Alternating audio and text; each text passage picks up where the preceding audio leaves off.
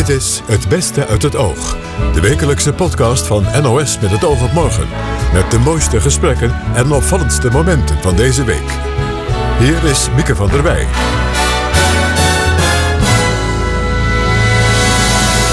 Ja, welkom weer. Leuk dat u luistert naar Het Beste uit het Oog. Met de hoogtepunten van de afgelopen week. We gaan het onder andere hebben over BOA's.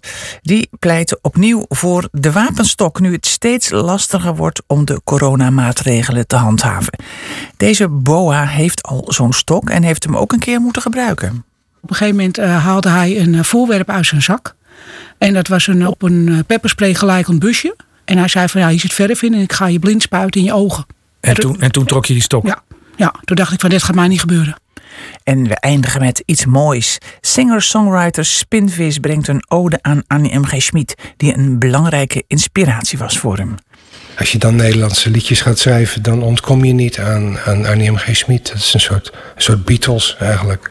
Maar eerst dit. Het is steeds vaker mooi weer, dus wordt het ook steeds drukker op straat. Dat merkten we met Hemelvaartsdag. Verschillende toegangswegen naar de kust werden geblokkeerd. Volgens Marianne Schuurmans, voorzitter van de veiligheidsregio Kennemerland, waar onder andere Zandvoort onder valt, gaan we een pittige zomer tegemoet. Ze zei het tegen Lucella Carasso. Wat u zich moet realiseren is dat zo'n dag, vooral voor mensen uh, die zich bezighouden met die hele operatie, die steeds moeten monitoren, hoe druk is het, wat gaan we dan doen, allerlei verkeersmaatregelen, verkeersregelaars. Nou, er zijn ongelooflijk veel mensen op de been, politie, handhavers, die er allemaal uh, dit moeten corrigeren. Dat kunnen we doen uh, vandaag, dat kunnen we nog een paar keer doen.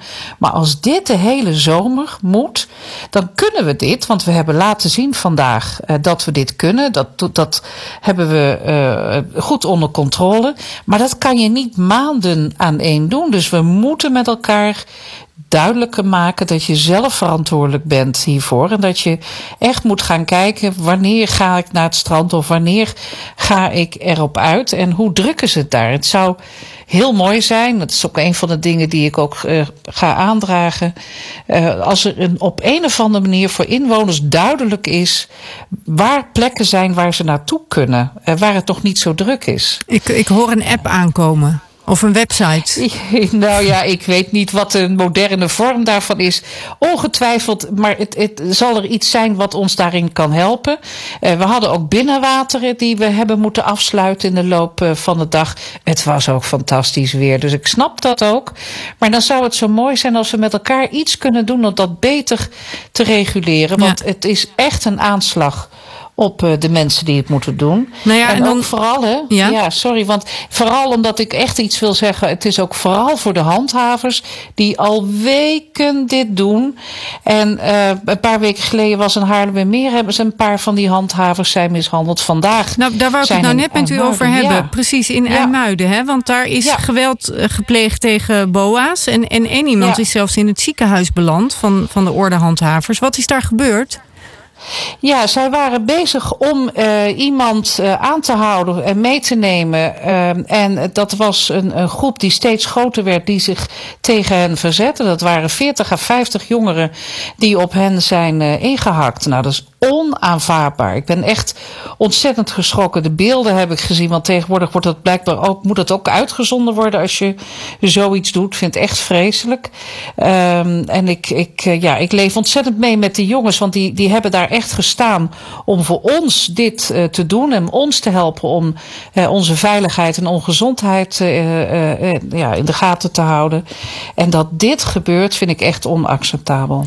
En de ordehandhavers ja. willen graag wapenstokken. Die zeggen we, krijgen, ja. we hebben te maken met geweld. Uh, we, we, hebben dezelfde problemen die de politie het hoofd moet bieden. We hebben een sterkere uitrusting nodig. Bent u het met ze eens?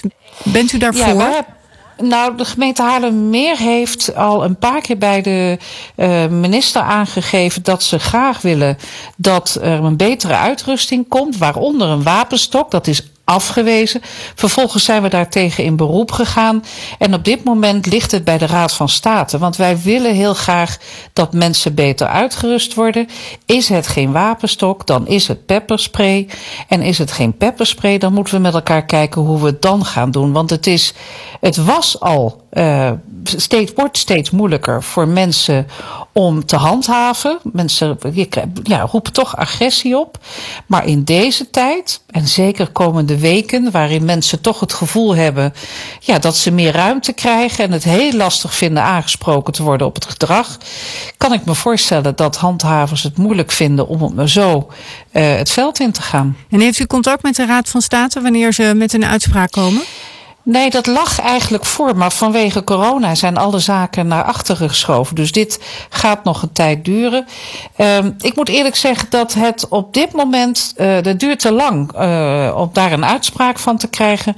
Dus ik vind het ook belangrijk om samen met mijn collega's te kijken. hoe gaan we nu onze handhavers beter uitrusten de komende tijd. U gaat het gewoon doen, bedoelt u? Ook al mag het niet van nee, de minister. Nee, nee, nee, nee, nee, nee, tegendeel. Maar ik ga, ik ga in ieder geval kijken wat ik wel kan. Dus ik ga camcorders eh, meegeven, zodat in ieder geval uh, mensen kunnen laten zien van kijk, wij filmen je als je dit doet. Um, en we gaan ook kijken of we ze meer met politie kunnen op laten trekken, zodat als het uit de hand loopt, politie er eerder bij uh, kan zijn. En wellicht dat ze eenzelfde noodknop krijgen die ook de politie heeft als, ze, als er problemen zijn. Maar dat zijn allemaal zaken ja, die moeten we nu regelen. En je ziet dat de urgentie hoog is. Ja, dat handhavers het zwaar hebben, dat hoorde uh, Koen Verbraak een dag eerder. Hij had twee BOA's, bijzondere opsporingsambtenaren, in de studio. Anita Meijer uit Amsterdam en Sharon de Zoete uit Rotterdam.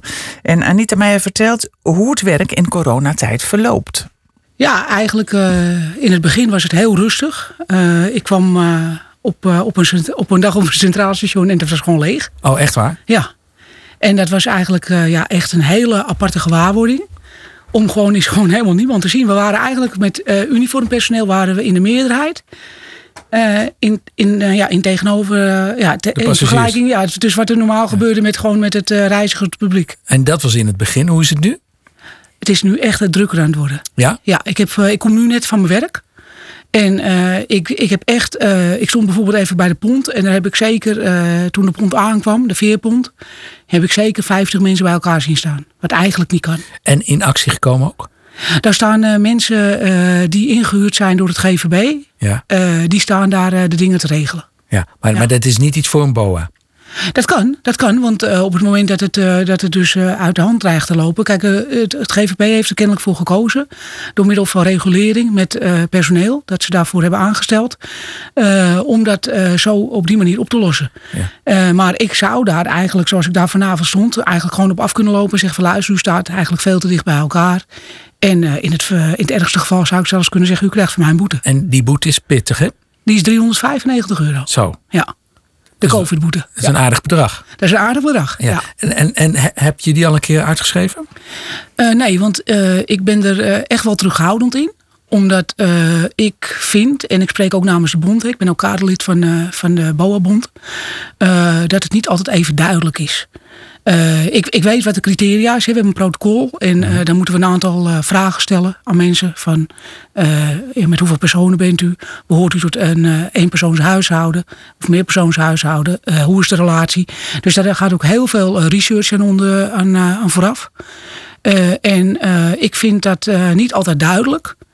En vandaar ook dat ik ja, nog steeds dat eigenlijk... gedaan. Nee, ik, ik heb het nog niet gedaan. Nee. Sharon, hoe is dat uh, met jou in Rotterdam? Heb jij al boetes moeten uitschrijven? Ja, ik heb hem wel geschreven. Ja? Uh, dat is wel naar aanleiding van meerdere waarschuwingen. Uh, nou, wat mijn collega aangeeft, die boete is ontzettend hoog. Daardoor ben ik ook wel wat terughoudender en schrijf ermee. Ja, ja. ja. Want je kan zeggen, een overtreding is een overtreding. En hoe hoog de boete is, dat doet er dan niet toe. Ja, klopt. Alleen uh, door de versoepelingen die elke keer plaatsvinden is het bij de mensen op straat ook best wel onduidelijk wat, uh, wat er nou verwacht wordt. Dat merk je? Ja. ja. En dat waar, is wel waar, waar merk je dat dan? Dat krijg je best wel vaak terug van mensen. Ja. Als je aanspreekt dat ze toch zeggen van oh, ik snapte het niet. Of uh, ja, dat je het toch nog even goed moet uitleggen. Ja, want we hebben jullie uitgenodigd omdat BOA's vanaf morgen actie voeren. Jullie grijpen niet in en observeren alleen maar. En jullie, Sharon, willen graag pepperspray en wapenstokken gebruiken. Ja, klopt. Waarom wil je dat? Uh, voor onze veiligheid. We hebben gewoon gemerkt dat uh, de maatschappij aan het verharden is. Uh, het werk is in heel veel opzichten niet meer veilig voor ons. En het blijkt gewoon dat er in de eerste minuten heel veel kan gebeuren. Dat je dus rake klappen kan oplopen. Kun je eens een voorbeeld geven? Eh, ja, we hebben eh, op eerste paasdag hebben wij eh, bij de Oldegaard een incident gehad.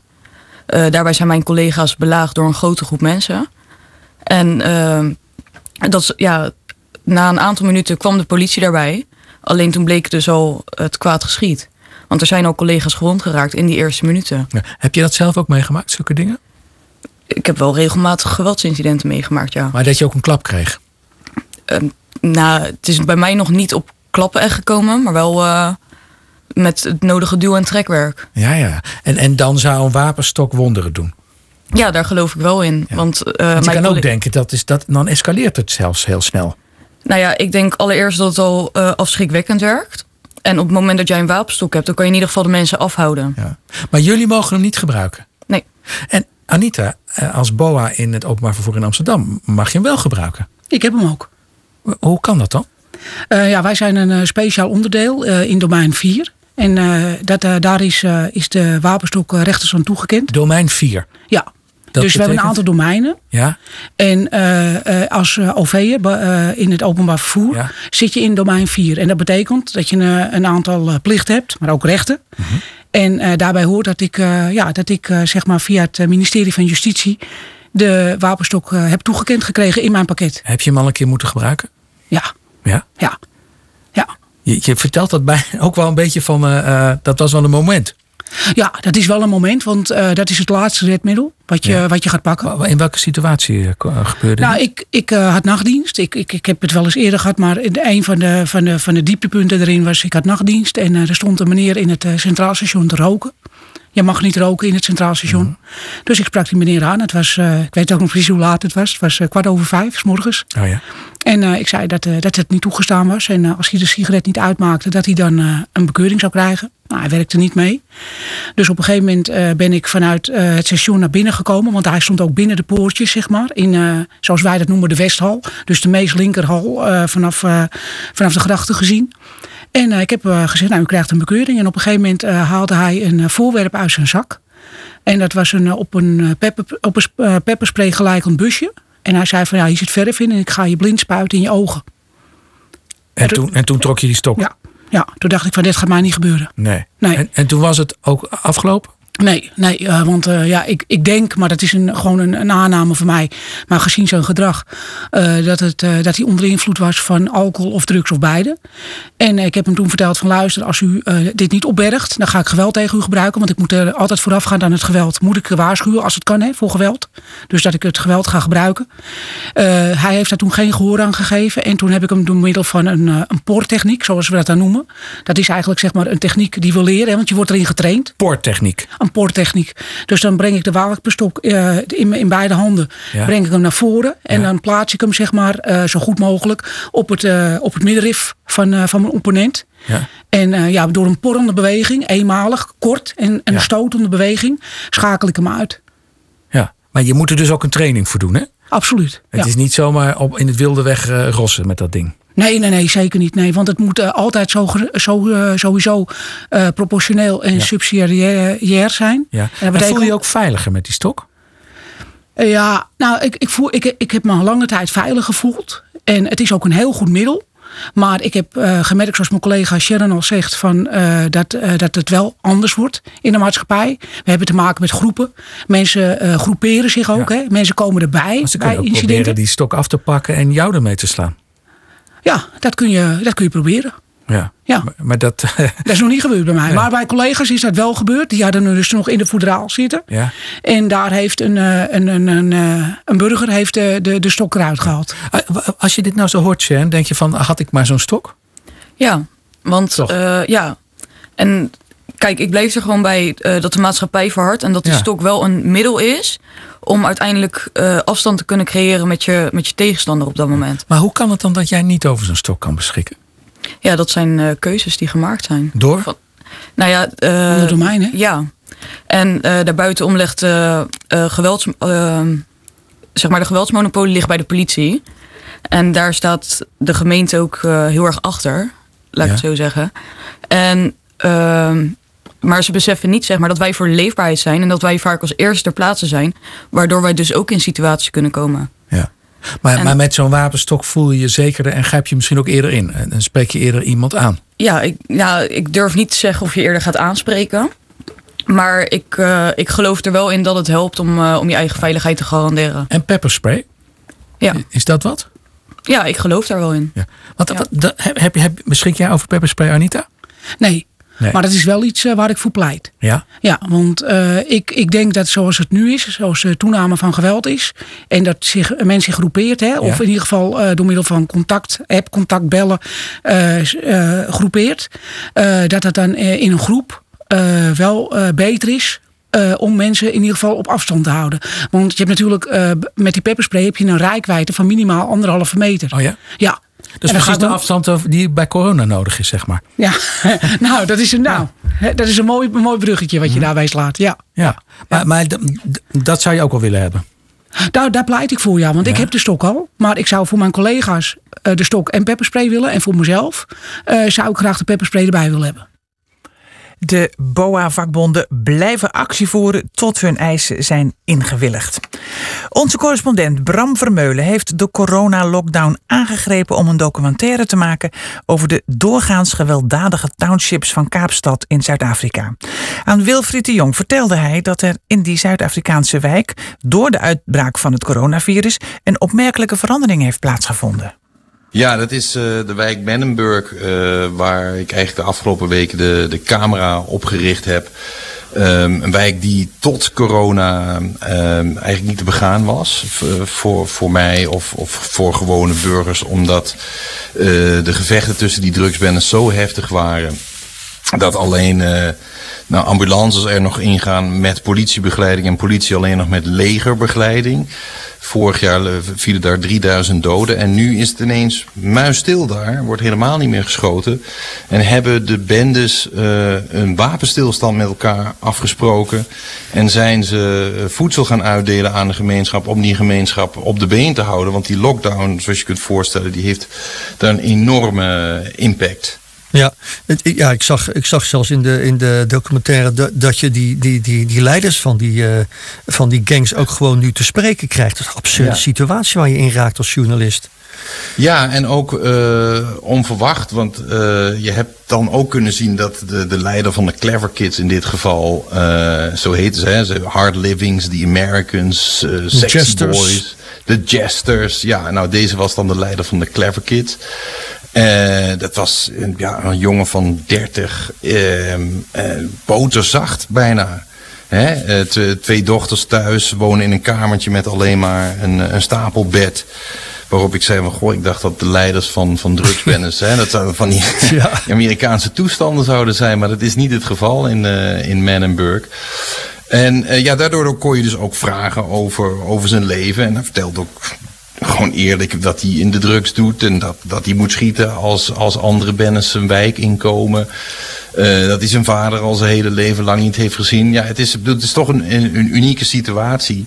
Waarbij je ook heel even stil wil staan uh, bij dat soort levens. Ja, maar, uh, maar, en, maar je ziet dus wel dan dat eigenlijk dat, dat de komst van de coronavirus en de townships, maar ook, ook het handelen van die band, band, bendeleden, alles een halve slag gedraaid is opeens. Ja, ja heel interessant. En ook de angst, die treedt natuurlijk op.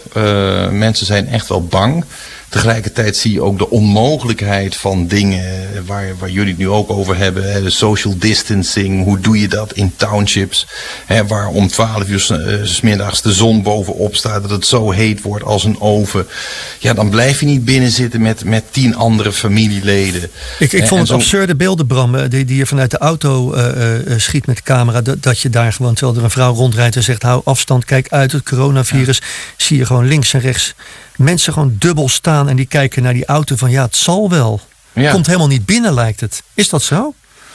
Nou, ik denk wel dat het binnenkomt. Dat ik zie toch echt wel iedereen in de wijk uh, nu ook wel mondkapjes dragen enzovoorts. Maar het, deed me een beetje denken aan uh, Oost-Congo, waar ik in, in augustus was om verslag te doen van de ebola-uitbraak daar. En waar mensen zeiden, ja, ebola en jullie met je doktoren en al het geld, het zal allemaal wel. Maar we hebben ook wel andere gevaren waar we mee te maken hebben. Dus we hebben natuurlijk nu in Nederland alleen maar over corona. Uh, en, en dus gaat ook Zuid-Afrika dat hele model van de welvaarde landen volgen met lockdowns en mensen streng binnenhouden. Maar dat model dat wringt in, in de armere delen van de wereld. En zeker in die overvolle townships. Waar, waar moeten mensen heen? Ja. en, en dat is dat, die, die paniek en die onrust en die stress die dat veroorzaakt. Dat, ja, daarvan zeggen ze hier van we, we, hebben straks en we worden ziek. Want je ziet nu ook een besmetting in Zuid-Afrika met vertraging groot worden. Maar tegelijkertijd zal die fallout van, van, van deze lockdown ook enorm zijn. Want die mensen kunnen echt geen kant op zitten. Echt opgesloten. En dan krijg je dus toestanden dat die drugsbendes ineens verantwoordelijk worden voor die wijk. Die houden ze in de been. Maar die willen straks natuurlijk ook en dat heeft een prijskaartje, dat soort steun. Die willen straks natuurlijk ook daarvoor in ruil steun. Eh, als, het, eh, als het weer nodig is. Ja, dus je ziet eigenlijk armoede, je ziet honger. Jij zegt ook ergens in de documentaire, ik weet niet of die van jou is, mooie zin van lockdown is eigenlijk een exportproduct uit een welvarend land. Ja, die was van mij. Die is van jezelf, ja. Die is niet van Kennedy. Hij is niet van Kennedy. nee, nee maar, die, maar, dat is, maar dat is zo. En je kunt, bedoel, de Zuid-Afrikaanse regering heeft ook heel snel opgetreden. Heeft het land echt hermetisch afgesloten. We, we hebben bijvoorbeeld helemaal geen vluchten meer. Um, en je zag ook dat daardoor het dodenaantal, dat zit nu om een paar honderd, laag is gebleven. Maar ja, nu het in de townships is en mensen zo dicht op elkaar wonen, gaat het ook heel snel. En is het de afgelopen week met honderden tegelijk in Kajalica één zo'n wijk, dat het toeneemt. Je hoort het nu ineens ook om je heen, mensen die ziek aan het worden zijn. En dan wordt het echt eng, want als je zo dicht op elkaar zit, kijk, bij, ik kan zelf, en laat ik boven mezelf spreken, ik kan zelf heel makkelijk in mijn huis blijven. Mhm. Als ik niet naar buiten hoef om, om dit soort reportages te maken. Maar hoe doe je dat in dat soort wijken? Dat is, uh, dat is echt uh, ontzettend moeilijk. En dan komt op een gegeven moment toch de keuze, nou ja, dan maar corona. Ja, wij maken ons hier druk om, uh, om, om netsen en boeren. Uh, maar in jouw documentaire spreek je over 500.000 mensen die in die townships zitten daar. Ja. Op, een, op een klutje en niet geholpen worden.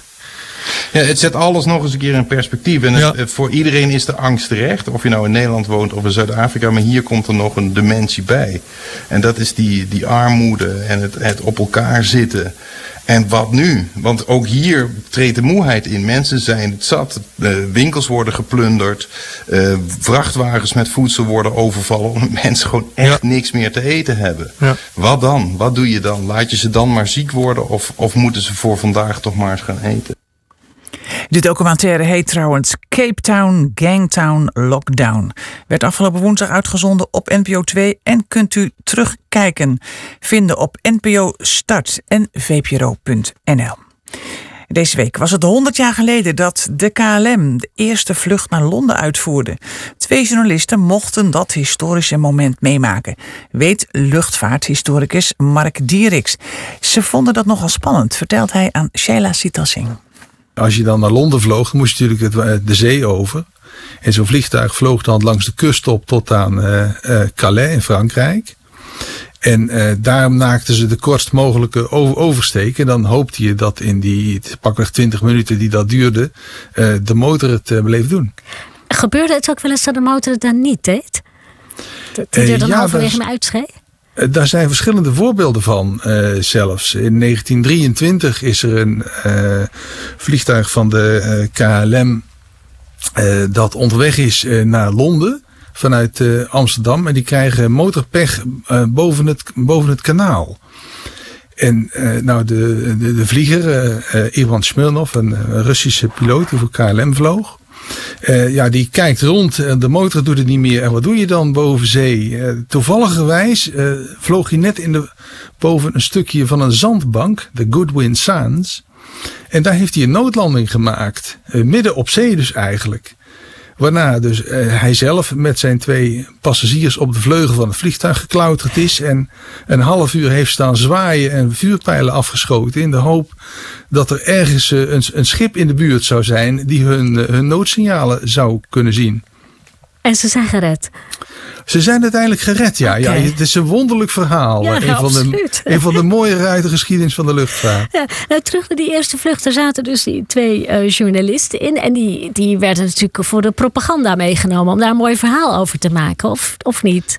Ja, precies. Dat was natuurlijk het, het hele idee. Die vliegerij die was hartstikke nieuw. En uh, of het uh, iets zou, zou worden, dat moest je nog maar afwachten. Dus het was voor de KLM en andere vroege luchtvaartmaatschappijen of maatschappijtjes, want vaak waren het maar hele kleine ondernemingen. Het was natuurlijk van, van levensbelang om in ieder geval de pers te halen steeds. Om te kunnen laten zien van ja, die toekomst waaraan wij werken, eh, die gaat ook echt plaatsvinden. En, en schreven ze een beetje lovend, die journalisten? Heeft u, heeft u die stukjes nog? Uh, ja, ik heb voor de aardigheid uh, twee fragmentjes uit de Maasbode van 20 mei 1920. Waarin de journalist die met het eerste vliegtuig van Amsterdam naar Londen ging, dat is 18, de 18e mei, dus eigenlijk de eerste echte KLM-vlucht. Eh, die beschrijft hoe dat zo ongeveer ging. En als je het leuk vindt, kan ik een paar fragmentjes voorlezen. Ja, ja lees je maar iets voor, een paar zinnen. Uh, nou, ze, ze, vertrekken vanaf uh, Schiphol. En het vliegtuig is nog niet eens ter hoogte van Leiden. En dan schrijft de journalist in, in, in de krant de volgende dag. De regen valt in stromen neer en slaat door de vensters van onze door een kap gesloten kajuit, waarin spoedig ook een straaltje water van boven naar beneden neerdruppelt. De omstandigheden van weer en wind doden alle vliegbegeesteringen. De lucht is van een somber zwart. Regenwolken hangen zo laag dat ze ons nu en dan het zicht op de aarde benemen. Onze kajuit is vol met het razend motorgeweld. En dan uh, gaat het vliegtuig natuurlijk verder richting, richting Londen. En uiteindelijk ter hoogte van uh, Calais uh, draait de piloot richting, richting, richting Engeland. En dan, dan schrijft de journalist wat er zich aan boord af, afspeelt. En dat is mhm. toch wel grappig, dat kunnen we ons niet meer zo goed voorstellen nu. Onze kanaalvlucht gaat beginnen en daarmee de niet het niet ongevaarlijke gedeelte van de tocht. Een noodlanding betekent hier voor ons als landvliegtuig toch vooral naar de kelder gaan als een baksteen. De andere, een van de andere journalisten, uh, O'Brien heet hij, uh, heeft uit zijn vestzakje een slangetje gehaald met een, met een ventiel en begint zichzelf op te blazen. Mijn Engelse collega's blijken zich van luchtvesten voorzien te hebben om meer drijfvermogen te geven voor het geval een onvrijwillige duik in het zilte vocht zou moeten volgen. Hun wangen bollen zich als ze, als ze slinken en hun bovenlijf zet uit. Geleidelijk nemen ze walgelijke vorm aan, welke ontwikkeling ik met de meeste belangstelling volg. Ik vrees tenslotte dat ze zullen barsten, hun vesten natuurlijk, of dat ze, of dat ze zullen opgaan als een luchtballon. Je moest wel heel gemotiveerd zijn om zo'n vlucht te maken. Uh, ja, ja, en dat was ook zo dat voor deze vlucht waren er aanvankelijk, uh, was het idee van de KLM om een, een publiciteitsstunt van te maken. Dus er mochten twee Nederlandse journalisten die mochten mee met het eerste vliegtuig naar Londen. De ene was meneer Maarten van der Bigelaar, die ook het stukje schreef wat ik zojuist mhm. voorlas. En uh, de andere journalist van het dagblad Het Volk, een socialistische krant, ja.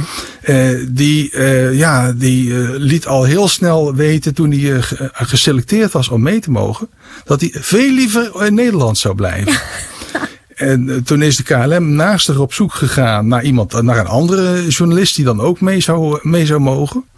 Uh, maar toen Van de Bigelaar uiteindelijk uh, op de afgesproken tijd op het Amsterdamse Centraal Station stond, toen, bleef de, toen bleek de vervangende journalist van het dagblad Het Vaderland uit Den Haag, uh, die bleek ook niet te komen en ook niet te durven. Dus uiteindelijk ging er één journalist mee en nou ja, die heeft het kunnen navertellen, want dat heb ik u nog kunnen voorlezen. En mooie eh, verhalen. Gelukkig gaat het er tegenwoordig een stuk veiliger aan toe. We sluiten deze podcast weer af met iets moois. Zoals wij ook elke uitzending met iets moois afsluiten tijdens deze coronacrisis. Singer-songwriter Spinvis staat met Lucella Carasso stil bij het overlijden van Annie M.G. Schmid. Precies een kwart eeuw geleden. Zij was een belangrijke inspiratie. Niet alleen voor velen, maar ook voor hem. Heel mijn jeugd is gevuld met, uh, met haar woorden. Als je ja, zuster, nee, zuster hebt gevolgd. Ik, hè, ik ben van die leeftijd. Dan zit denk ik alles wat je. Als je dan Nederlandse liedjes gaat schrijven, dan ontkom je niet aan, aan Annie M. G. Schmid. Dat is een soort, een soort Beatles eigenlijk. Weet je wel, dat is zo bepalend voor. Maar zo ook bepalend voor de Nederlandse liedjescultuur. Het is, um, ja. Dus, je, jij hebt ooit al een liedje uitgebracht hè, met een tekst van haar. Het gedicht Aan een klein meisje. Ja, Waarom die tekst? Nou, ik, ik, mocht zelf kiezen en ik ben uh, heel erg liefhebber, vooral denk ik van, van haar boeken. Dus uh, plukkende pettenflat en Jip en Janneke natuurlijk. En, en de liedjes merk je wel dat het... Het was natuurlijk in de 60 jaren...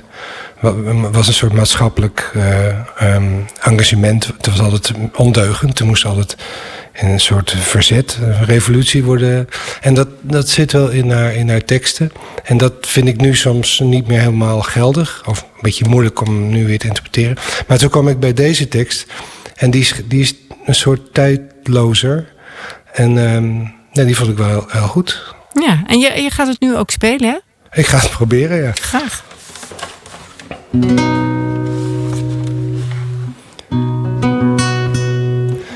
Dit is een land waar grote mensen wonen. Je hoeft er nog niet in, het is er boos. Er zijn geen veeën meer, er zijn hormonen. En altijd is er wat anders los. En in dit land zijn alle avonturen hetzelfde van een man en van een vrouw. En achter elke muur zijn andere muren, nooit een eenhoorn of een bietenbouw. En alle dingen hebben hier twee kanten. En alle teddyberen zijn hier dood. En boze stukken staan in boze kranten. Dat doen boze mannen voor hun brood. Een bos is hier alleen maar een boel bomen. En de soldaten zijn niet meer van tin. Dit is het land waar grote mensen wonen. Wees maar niet bang, je hoeft er nog niet in. En alle dingen hebben hier twee kanten. En alle teddyberen zijn hier dood. Boze stukken staan in boze kranten. Dat doen boze mannen voor hun brood.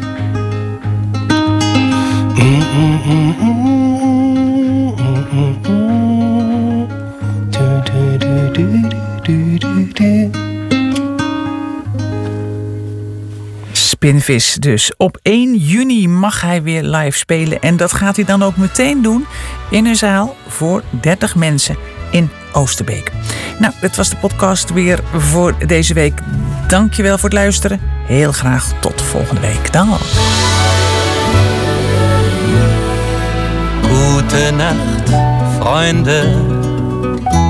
Es wird Zeit für mich zu gehen. Was ich noch zu sagen hätte, dauert eine Zigarette und ein letztes Glas im Stehen.